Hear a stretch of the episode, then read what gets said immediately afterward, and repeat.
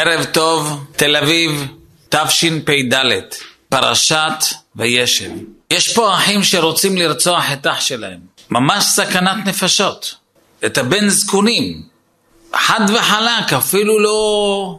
זה לא איזשהו אה, לרצוח בגימטריה, או על פי הסוד, לפי הקבלה. ועתה לכו ונהרגהו, שמעון ולוי, ממש. זה פחד אימים, לשחוט שבט. וישמע ראובן ויצילהו מידם, ויאמר לא נכנו נפש.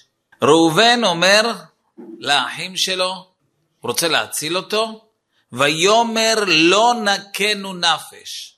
זה פסוק אחד. פסוק שני, ויאמר עליהם ראובן, אל תשפכו דם, השליכו אותו אל הבור הזה אשר במדבר, ויד אל תשלחו בו. למה פעמיים ראובן אומר לא נכנו נפש? כן? וישמע ראובן ויצילהו מידם ויאמר לא נכנו נפש? זה פסוק אחד. איזה כיף שאתה יושב לידי.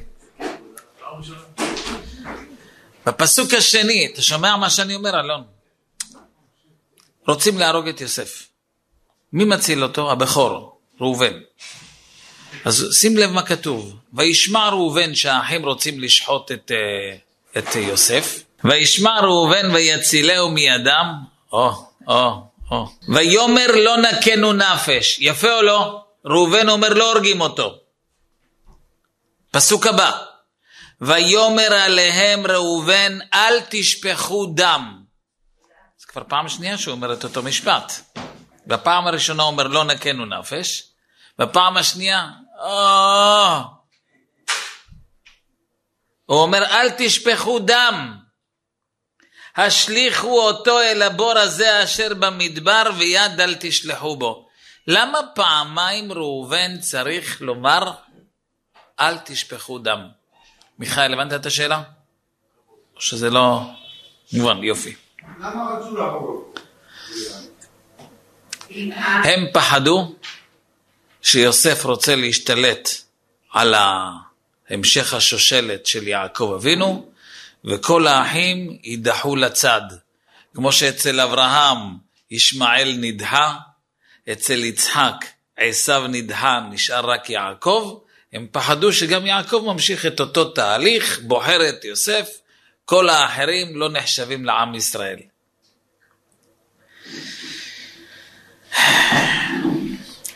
עוד יותר, למה יעקב, למה ראובן מביא רעיון? בוא נזרוק אותו לבור.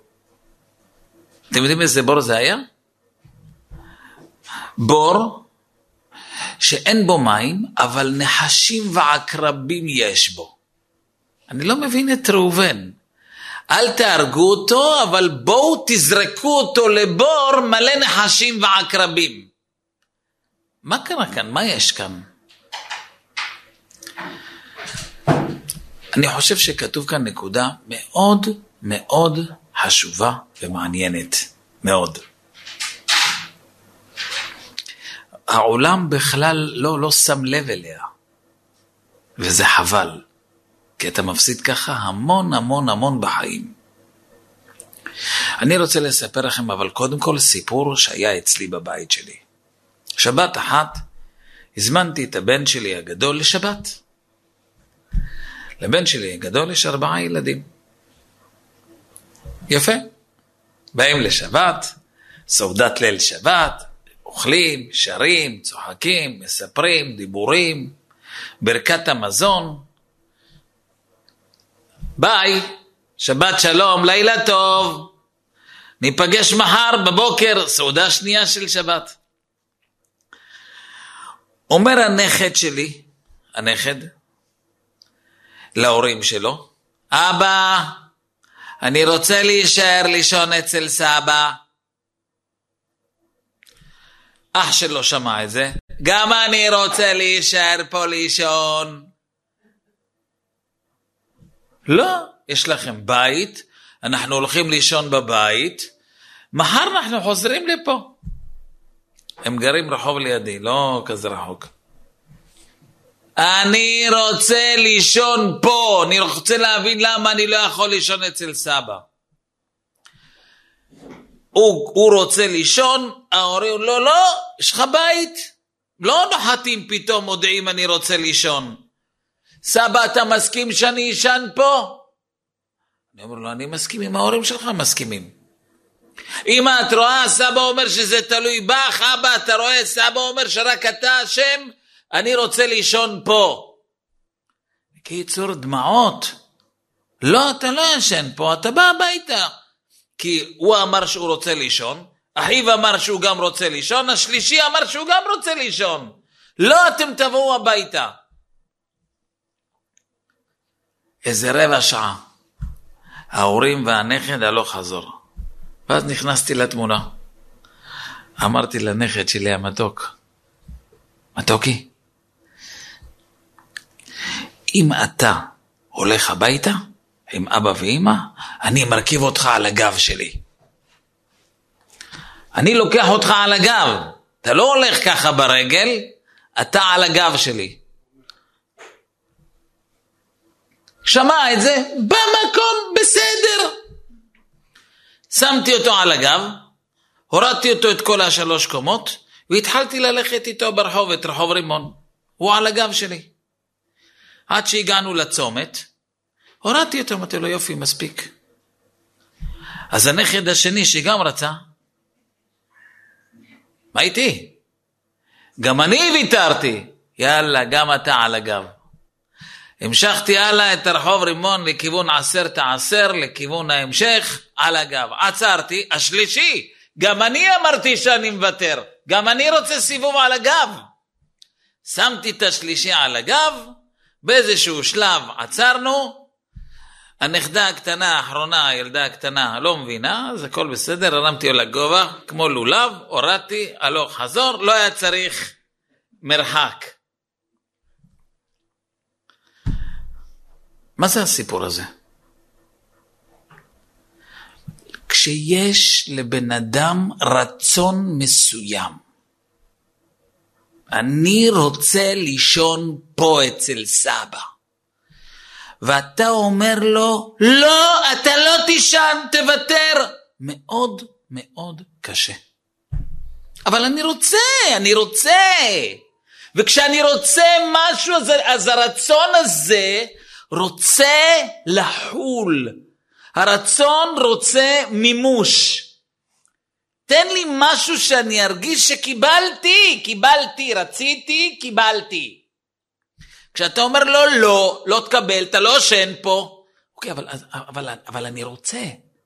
אז תן לי לפחות פיצוי, במקום שאני ארגיש, קיבלתי תחליף.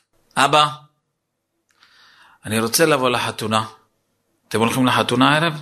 אני רוצה לבוא לחתונה. לא, אתה לא בא, יש לך לימודים, יש לך ישיבה, אין כזה משחק. בחופש נדבר, עכשיו זה לימודים, לא הולכים... אבל אבא, אני רוצה לבוא איתך לחתונה. אבא, אני רוצה לבוא איתך לחתונה. אבא, אבא. לא, אתה בלימודים, אתה לא קולט שאתה באמצע הלימודים, בלימודים לא עושים חגיגות. אם אתה תבוא עכשיו לחתונה, אז אתה תישן מאוחר, למחרת אתה לא תהיה מרוכז בלימוד, אתה תפסיד, אתה תרד, זה ישפיע עליך. אבל אבא, אני רוצה לבוא לחתונה. הוויכוח ימשיך, ימשיך, ימשיך, ימשיך. מה עושים? תגיד לבן שלך, מתוקי, עזוב את החתונה, בלי נדר מוצאי שבת, אני ואתה גני יהושע. שנינו מגע של פיצה, אל תגלה לאף אחד. זכור אבא, זכור. זוכר. כי אם זכרתני והזכרתני, כן. למה עכשיו הוא נרגע? למה עכשיו הוא נרגע? אבל הוא לא יבוא לחתונה, הוא הרי רצה לבוא לחתונה. למה עכשיו, תגיד לי, הוא נרגע? כי? מה? נתתי לו משהו במקום. אתם יודעים שזה קורה ביום כיפור? ביום כיפור יש שני שעירים. מקריבים שני שעירים. שעיר אחד, שעיר זה כבש, כן? שעיר, כמו כבש כזה, כמו עז. שעיר אחד להשם, יש עוד שעיר. השעיר השני ביום כיפור לעזאזל. לוקחים את השעיר, לוקחים אותו לאיזה צוק, ומשם הוא מתגלגל עד שהוא נהיה איברים איברים, וזה נקרא שנותנים משהו לשטן. מה? לשטן? מה זאת אומרת אתה נותן משהו לשטן? התשובה היא, השטן, היצר הרע, בא לבורא עולם, הלו, החבר'ה האלה צריכים אה, ניעור. אני נכנס בהם, אחרי כל מה שהם עשו כל השנה, אני חייב לתת להם בראש. ביום כיפור אנחנו אומרים, בורא עולם, סליחה, סליחה, סליחה, סליחה. טוב, סלחתי. אין מה לעשות, אין לי מה לה... אדוני, הם ביקשו סליחה. אבל, אבל אני רוצה להיכנס בהם, בואנה, אני חייב להיכנס בהם, תן לי להיכנס בהם. איך מרגיעים אותו? קח שעיר לעזאזל, תסתדר אתה והוא. מה עשית? נתת לו חלופה. ידוע ככה גם, שהיו רבנים גדולים שמברכים חולים, אז הם היו אומרים, יהי רצון שהקדוש ברוך הוא ישלח לך רפואה שלמה, והמחלה שלך, המחלה שיש לך, תחול על, אומרים איזה שם של איזה מישהו מעזה, משהו כמו סינואר כזה, או דף, משהו כזה. לא הבנתי. למה אי אפשר לברך שהשם ירפא אותך? לא, לא. כי אותו, אותו, ה, המלאך השלילי שבעצם נמצא כאן במחלה הזאת, הוא רוצה לטפל במישהו עכשיו. אתה לא יכול להגיד, תלך ממנה. מה תלך? לאיפה? מה? אתה רוצה שאני אוותר על החולה הזה ואתה משאיר אותי בלי כלום? אני, אני, אני רוצה לעשות משהו עם החיים שלי. טוב, אה, בוא אני אתן לך משהו במקום, תחלופה. עכשיו, בואו תראו כמה זה מתוק. האחים של יוסף רוצים להרוג אותו. ועתה לכו ונהרגהו ונשליכהו באחד הבורות.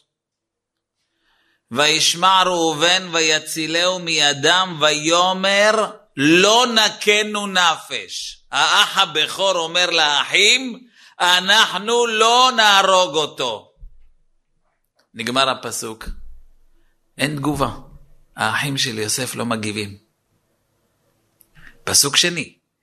ויאמר עליהם ראובן, אל תשפכו דם, השליכו אותו אל הבור הזה אשר במדבר, ויד אל תשלחו בו. מה עכשיו ראובן אומר לאחים? אל תהרגו, תשליכו אותו לבור. עכשיו האחים מקבלים את מה שראובן אומר, בסדר, לא נהרוג אותו, נזרוק אותו לבור. למה ראובן אתה מציע להם במקום להרוג בור? כי כשאמרתי להם לא להרוג הם לא שמעו לי. אז תן לנו משהו כן לעשות לו, אנחנו רוצים לגמור עליו. אז תן לי משהו במקום. אז הוא מצא משהו. תזרקו אותו לבור. לא נתת חלופה? יהיה קשה לקבל את מה שאתה אומר. אתם יודעים שזה דבר שקורה לנו יום-יום בבית, יום-יום. אני נתקל בזה בחינוך הילדים שלי כל יום. אם יש איזה אירוע משפחתי והילדים רוצים והבוכים רוצים ללכת, לא, אתם לא הולכים, אתם לא מוזמנים. אתם לא מוזמנים, אמרו שרק ההורים. מה לעשות? מה אתה רוצה? לא הוזמנת. מה, אני אביא ילדים? אין מקום. זה מצומצם, זה אירוע... אבל למה אני רוצה לבוא?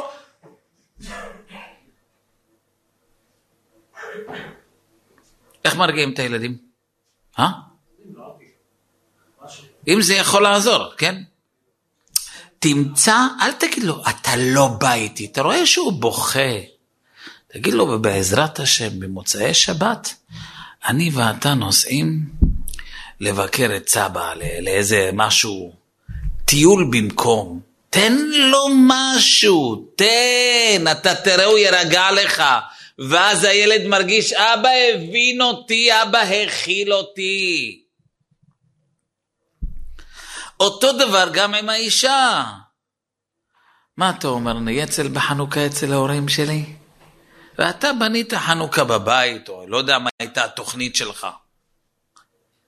אה, גברת, מצטער מאוד. חנוכה כבר סגרנו שאנחנו בבית. שכחת? דיברנו על זה לפני חודש וחצי, שחנוכה אנחנו בבית. אל ת... אל תשני לי עכשיו את היומן, אתה הופכת לי את כל הראש. בבקשה, אבל ההורים שלי ביקשו שנהיה נדידי. מה אתה אומר? אולי בכל זאת. מה אתה עושה? גברת, בשביל מה דיברנו לפני חודש וחצי? בשביל מה? שתבואי אליי בחנוכה ותהפכי לי את הכל?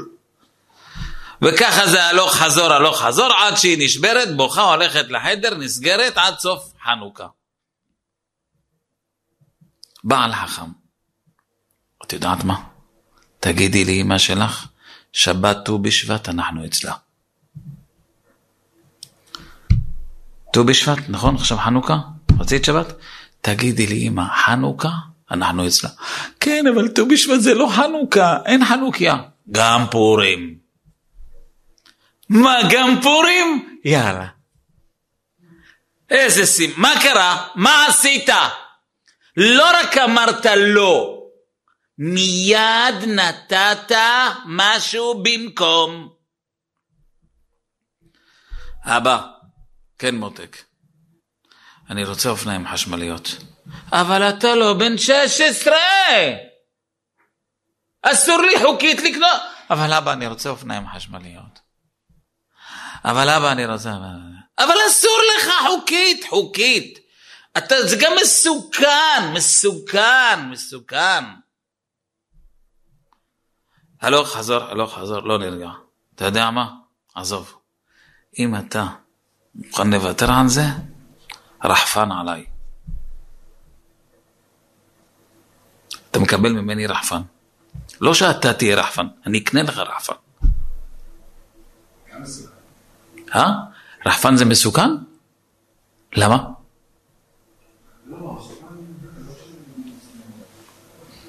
הבנת? זה נקרא להבין את נפש האדם. הנפש שלנו מורכבת, בנויה, שאם אני רוצה משהו מסוים, אתה לא יכול לבוא ולהגיד לי, לא, לא, לא. אתה לא יכול לבוא לאשתך לא, לא. תהיה חכם. אם יש רצונות אחד אחורי השני. וואו, וואו, וואו. זה כבר אוטומטי. אין חלופות. זה כבר... כבר אין חלופה, אתה אומר. יש... אה, צודק. זה, זה באמת, אבל יש... צודק. ברוך אתה אדוני אלוהינו מלך העולם שהכל נהיה בדברו. או-אה, או-אה, משהו משהו. מוסה פעם אמר אמר לבעל ואישה, תן נקודה אחת של ויתור, תהיה עד הסוף עקשן. תהיה בלא עד הסוף או... משהו כזה. גם גם אם היה בן אדם באמת היה צודק, משה היה מבטיח ואומר, אתה מדי תשחרר קצת, תשחרר את ההדק. מה זה עושה לילדים? הרגשה שאבא מבין אותי. לא, מה קורה לאנשים שהם גדלים? מה קורה עם היחסים בין הילד לבין ה... אז כשהילד לא קיבל את הרצון שלו, לא ולא, ולא נתנו לו הבנה, אני מרגיש את הכאב שלך, והנה אני מנסה לבוא לתת לך משהו במקום, אז הילד חי בתחושה, אבא לא מבין אותי. אבא בכלל לא בראש שלי. אבא לא יודע לרדת לנפש שלי. אז כשהוא יגדל, הוא לא ישתף את אבא שלו בלבטים, בסודות, בבעיות, כי אתה לא בן אדם שבאמת מכיל אותי, יורד לראש שלי. אתה נשאר איפה שאתה, אתה רק יודע להגיד לי את הלא, את, ה... את ה... אתה לא יודע להשלים לי את החסרים שלי. ומפה אני רוצה להגיע איתכם ליסוד הבא שהוא קשור לזה, אבל הוא מאוד מאוד מעניין. אחרי שיוסף מגיע, הוא הגיע לאחים שלו, ויפשיטו את יוסף את כותונתו, את כתונת הפסים אשר עליו, וישליכו אותו הבורה, והבור ריק אין בו מים. מגיעים ישמעאלים, אומר יהודה בואו נמכור אותו לישמעאלים, מוכרים אותו לישמעאלים. מי מגיע? מי מגיע לשטח? ראובן. זה שאמר לא לזרוק אותו, לא להרוג אותו, לזרוק אותו לבור. וישוב ראובן אל הבור, והנה אין יוסף בבור, כי מכרו אותו לישמעאלים שהורידו אותו למצרים. ויקרע את בגדיו.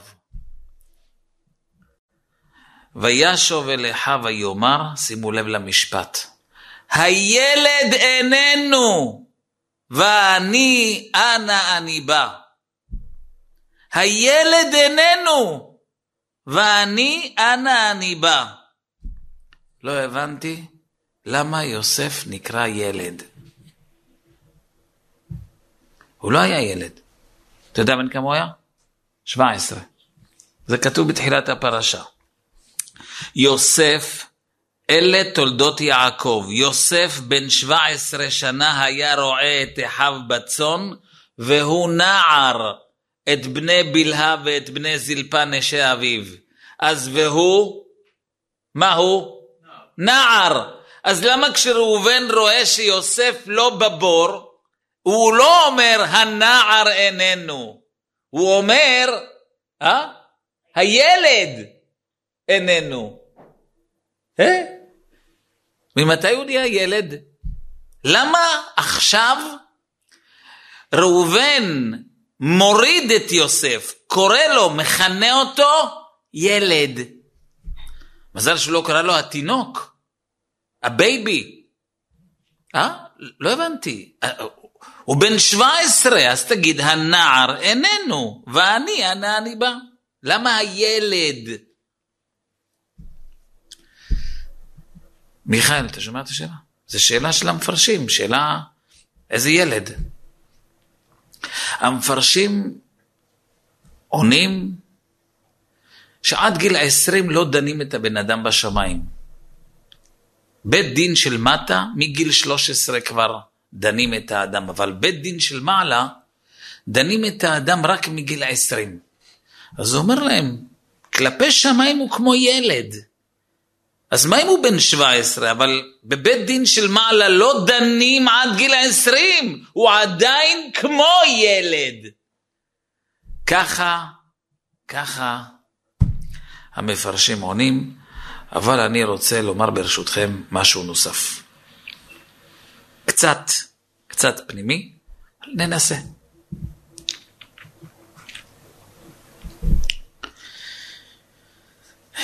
לכל אחד מאיתנו, כולנו, היינו באיזשהו שלב בחיים ילדים. זוכרים את זה או לא? הרוב לא זוכרים את זה. רוב העולם בכלל לא זוכר שאי פעם היינו ילדים. לא. בפרט אם הוא הגיע לגיל 13, בר מצווה, חגיגה, גד... גדול, הנה הוא גדול. אם הוא כבר התחתן, בכלל... בוגר, גדול, אנחנו כל הזמן יש לנו שמות. בוגר, אחראי, גדול, מבוגר, נכון? זקן. ואיפה הילד? אין, אין ילד.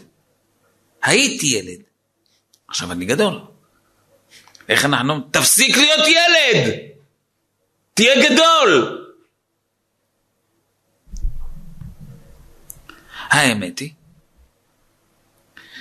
שבכל אדם יש את הילד, שהוא היה ילד, עם כל החוויות האלה של הילד, וגם כשאתה גודל, זה לא שהילד גדל, הילד נשאר ילד, רק נוסף מעטה של בוגר, אבל זה מעטה. עוד שנה נוסף עוד מעטה של בוגר, עוד חוכמת חיים, עוד. אבל הילד אתה הילד נשאר בתוכך. איפה אתה נפגש איתו? כשמישהו אומר לך איזה מילה או לא התייחס אליך יפה, ואתה נפגעת. מי נפגע? מה זה להיפגע? להיפגע זה החץ, המילה הצליחה לחדור את כל השכבות ונגעה באותו ילד הקטן, החמוד, הפגיע, הרגיש, המתוק, או משהו, כן? משהו הילד הזה, והוא בוכה. למה אתה בוכה? כי פגעו בי. ואתה חוזר, עכשיו זה הילד שבך בוכה. הרבה פעמים אנחנו רוצים שאיזה חבר יפגוש אותי ויעשה לי, וואלה, חז ממך, שיעשה לי ככה, שילטף אותי. אני רוצה איזה מישהו שייתן לי חיבוק. לפעמים אתה מרגיש שאתה רוצה חיבוק. מה קרה? בוא'נה, כבר יש לך זקן לבן. מה, אתה תינוק? למה לפעמים בא לך איזה מישהו שככה ייתן לך איזה חיבוק, איזה מילה טובה, איזה... אתה יודע איך אני אוהב אותך? את הנשמה שלי? משהו, אתה, רוצ... אתה רוצה את זה, אבל אתה מדחיק את זה. יש לך את זה, אתה מדחיק את זה. התשובה היא, הילד שבי רוצה מילה טובה, רוצה חיבוק. כי זה הילד שבי. והוא חי ונושם. התפקיד שלי בחיים זה אף פעם לא להזניח את הילד הזה שבי ולדאוג לו, לדבר איתו, להתייחס אליו, להכניס אותו לעבודה, והוא תמיד יישאר ילד. תמיד, גם כשאתה תהיה בן 90, בתוכך יישאר הילד הזה שרוצה את התשומת לב ואת היחס. רוב העולם, אני לא רוצה להשתמש במילה שוחט, אה, קובר, הורג, אה, קוראים לזה בשפה המקצועית מדחיק. אבל פירושו של דבר, אני שמעתי פעם שיחיא סנוואר נקרא הקצב מח'אן יונס. ככה שמעתי. הקצב, אז למה קוראים לו ככה? כי פעם אחת, יש הרבה סיפורים, אחד הסיפורים שהיה איזה מישהו שעצבן אותו, אז הוא קרא לאח שלו, תחפור בור, והכניס את הבן אדם ההוא שעצבן אותו לתוך הבור, ואמר לו, בבקשה תכסה את זה. כשהוא חי! כשהוא חי! הוא אמר לאח שלו לכסות את, ה... את הבן אדם, את האח בתוך הבור, לכסות אותו חי, קבר אותו חי. קוראים לו הקצב מח'אן יונס. מה אתם חושבים? לכל אחד מאיתנו יש ילד קטן, חמוד בתוכו. שרוצה קצת צומי, ורוצה קצת יחס, ומדי פעם רוצה להתפנק על איזה כוס קפה טעים, ואיזה מילה טובה, ושיחמיאו לו, ויגידו לו, וואו, איך אתה נראה טוב, ומה שלומך, ואיך אתה מרגיש, וזה עושה לי טוב. מה, אתה ילד קטן, אתה צריך שיפרגנו לך? אז לא אמרתי לך שהאוכל טעים, בגלל זה את צריכה להיפגע? עודד! אז לא אמרתי לך שהבית נקי. אז מה? למה זה פוגע בי? אה? למה אני נפגע? הילד בתוכי, מילה טובה, צומי, יחס, חום, אהבה.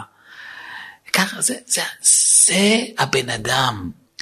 ואם יש לך אחד כזה, אני לא צריך שיאהבו אותי. אל תתייחס אליי, הכל בסדר, הכל בסדר. מה זה? מה זה הגאווה הזאת? זה התכחשות לילד. ככל שאדם מודע לילד שבו, ככל שאדם יודע איך מתנהלים עם הילד שבתוכו, זה הנפש הבהמית, אתה תראה אותו גם מגלה את אותם רגשות לזולת. כמו שבי יש את זה, ואני צריך את זה, ואני רוצה את זה, וזה חשוב לי, כי יש את זה בתוכי, את הילד המתוק הזה, החמוד, שלא קיבל בילדות שלו מההורים העסוקים והעצובים והדיכאוניים והלחוצים, אז היום אני מטפל בילד הזה שבתוכי. אני, הנשמה, מטפלת בנפש. השכל, השכל שלי, החלק המבין, המשכיל, מטפל ברצונות האלה. אז אני יודע איך להתנהל עם הילד הזה, ואני מטפל בו וכולי. מי שלא מטפל בעצמו, ואתה תראה אותו אה, שהוא מדבר על הזולת, בוא הנה, בוא הנה, שב, תכין שיעורים, סיימת? כנס למקלחת. אבא, קיבלתי תעודה, תראה אבא את הציונים, אבא תראה את הציונים. אתה לא עושה לי טובה, אתה עושה טובה, זה בשבילך, זה החיים שלך. אתה לומד בשבילי? אתה לומד בשבילך. כן, אבל אבא, תראה איזה ציון יפה, אבא, כתבו לי פה הערה חיובית, אבא, יש פה, כותבים שאני מצטיין. מתוקי, זה לא בשבילי, זה בשבילך. אתה יודע למה האבא הזה לא יודע לתת מילה טובה לבן שלו? על התעודה הטובה? אתה לא יודע למה? לא. כי הוא לא נותן גם לעצמו את המילה הטובה. הוא קבר את הילד שבו, אין לו מודעות עצמית לילד שבתוכי, לכן גם כשאני מתייחס לזולת זה באותה אכזריות. יונתן, אתה מבין אותי או לא? אתה נמצא במצב של נורמליות, של בריאות הנפש. אתה מטפל בנפש שלך. הנשמה מטפלת בנפש, ב, באני האמיתי שלך, בילד הזה. זה האני האמיתי, המקום החלש, הפגיע. דוד המלך אמר יותר מזה, הוא אמר אני לא ילד, אני תינוק. הוא כתב את זה בשיר המעלות. כגמול עלי אמו, כגמול עלי נפשי. אני כמו תינוק שאימא מחזיקה אותו על הידיים שלה והיא הרגע גמרה להעניק אותו. כגמול עלי אמו, גמול, עכשיו אימא גמלה אותי בהנקה, כגמול עלי נפשי. ככה אני רואה את הנפש שלי, כמו תינוק שנגמל מהנקה. נו, בן כמה זה? שנתיים? שנתיים. אני תינוק בן שנתיים. לא ילד אפילו, הוא ראה את עצמו בתור תינוק בן שנתיים. ותינוק, אתה יודע מה תינוק צריך? ליטוף, מילה טובה, חיבוקים. מה קורה לתינוק שגדל ולא קיבל לא חום, לא אהבה, לא מילה טובה, רק דחפו לו כל שעתיים מטרנה. הוא יוצא פגוע בנפש. נכון, נכון מאוד. זה עזה ככה. אומר ראובן, כשהוא רואה שיוסף לא בבור, כשראובן רואה שאח שלו לא בבור והוא קולט, בואנה האחים שלי תפסו את יוסף, בלי טיפת רחמים. איפה הוא? לאיפה העלמתם אותו? הרגתם אותו? מחקתם אותו? מכרתם אותו? אימא'לה! זה מראה שמה? שהילד איננו, איזה ילד? לא יוסף, לא יוסף. אצלי, אצלכם, הילד לא קיים, הילד שבתוכי לא קיים.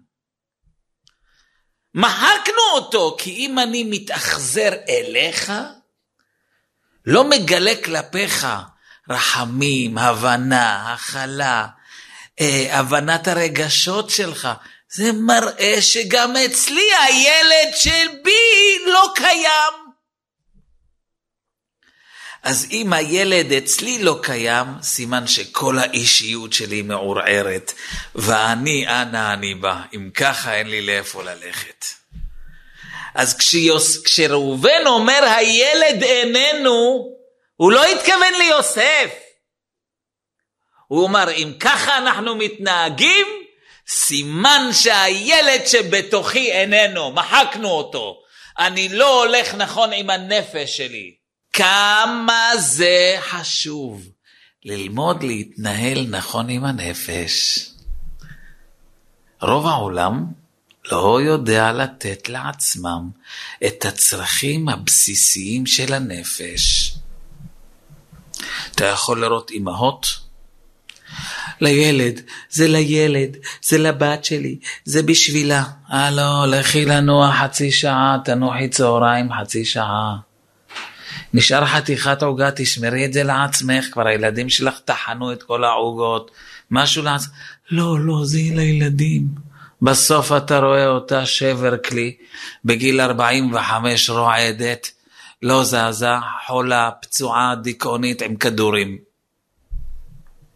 למה? כל החיים שלי התמסרתי לילדים שלי, נתתי לילדים. ומה איתך?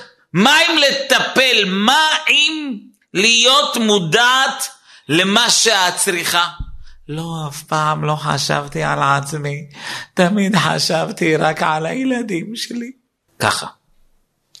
ככה אנחנו חיים בצורה של חוסר בריאות בנפש. אדוני, תדאג לעצמך, אתה זקוק למנוחה, מדי פעם קצת איזה נקודה של אוורור. עודד, לפעמים בא לבן אדם ללכת לאיזה חבר, מרים טלפון, הלו, אתם הערב בבית? יש מצב לקפוץ? למה זה? מה? שחרור לנפש. מה? זה מה ש... כן, כן, שחרור לנפש. ומה עושים? אוכלים, שותים, צוחקים, מספרים. ככה, ככה. זה נקרא שאתה יודע לטפל בעצמך. אתה לא מזניח את הילד שבך. כמה זה, כמה זה חשוב. אתם יודעים שבראש השנה יש פסוק שהוא הכי הכי הכי מרגש אותי. במוסף של ראש השנה. הבן יכיר לי אפרים עם ילד שעשועים. אתם יודעים איך הקדוש ברוך הוא קורא לעם ישראל? הבן יכיר לי אפרים, אנחנו נקראים בנביא אפרים, הבן הבכור של, אה, הבן השני של יוסף, כן? הבן יכיר לי אפרים עם ילד שעשועים. כי מדי דברי בו זכור אזכרנו עוד. על כן המו מעי לו רחמה רחמנו נאום השם. הבורא העולם קורא לנו ילד שעשועים. תגיד לי, אלון, אתה נקרא ילד שעשועים? אתה כבר מזמן לא ילד, נכון? אז שהשם יקרא לי בן שעשועים, אה, איש שעשועים. למה אנחנו נקראים ילד שעשועים? ילד, ילד. אתה זה הילד, והשאלה אם אתה יודע לשעשע, לטפח, לגדל, לחבר את הילד שבך לקדושה. איך אני אדע אם אתה יודע או לא? קודם כל איך אתה מתנהל עם עצמך, ואיך אתה מתנהל עם הזולת. נקודה כל כך חשובה, כל כך יסודית. ראובן יוצא על האחים שלו, תתביישו לכם. אם אתם מתאכזרים לאח שלכם, סימן שאתם הרגתם את הילד שבתוככם. הילד שבכם איננו. לא יוסף, יוסף הוא נער, אבל הילד שבכם, אם אתם ככה מתאכזרים לאח שלכם, סימן שאתם מחקתם את הילד שבנפש שלך. הערב, לפני שיצאתי לשיעור, כן? אז אני בדרך כלל, לפני שאני יוצא לשיעור, אני דואג שיהיה בבית הרגשה טובה, שהכל יהיה טוב. אז כלים, שיש כלים. עודד! שיש! כיור מבריק. לא, עודד הוא מצטיין, מצטיין. יש הרבה מה ללמוד. אז אני משתדל. הרגשתי, בא לי סלט. מה עושים? אה? אבל יש כלים. ואני צריך לצאת עוד מעט לשיעור, והחבר מחכה לי למטה. מה עושים? האם אני... לא, שאשתי תהיה שמחה שאני אעשה את הכלים. אבל מה איתי? אני, זה אחר כך כל, כל השיעור הראש שלי, יואו, רציתי סלט, יואו, מה איתי? מה עושים? אבל מה עם הכיור? מה עם הכלים? הנפש, הנפש שלך, תקרא את המפה, תקרא, תקרא את המפה. אחר כך אתה תרגיש שזה מציק לך. תכין סלט, כמו שאתה אוהב, תכין, תטעם. הספקתי גם סלט, גם כלים, ובאתי. מה אני רוצה להגיד? לא, המ- המסר הוא, אל תזניח את הנפש שלך. תן, תן לעצמך, ת, ת, תטפח, תדאג, תתייחס לנפש שלך, אז אתה גם תתייחס ככה לאחרים. יהי רצון שנזכה כולנו ללכת בדרך האמת, אמן כן יהי רצון.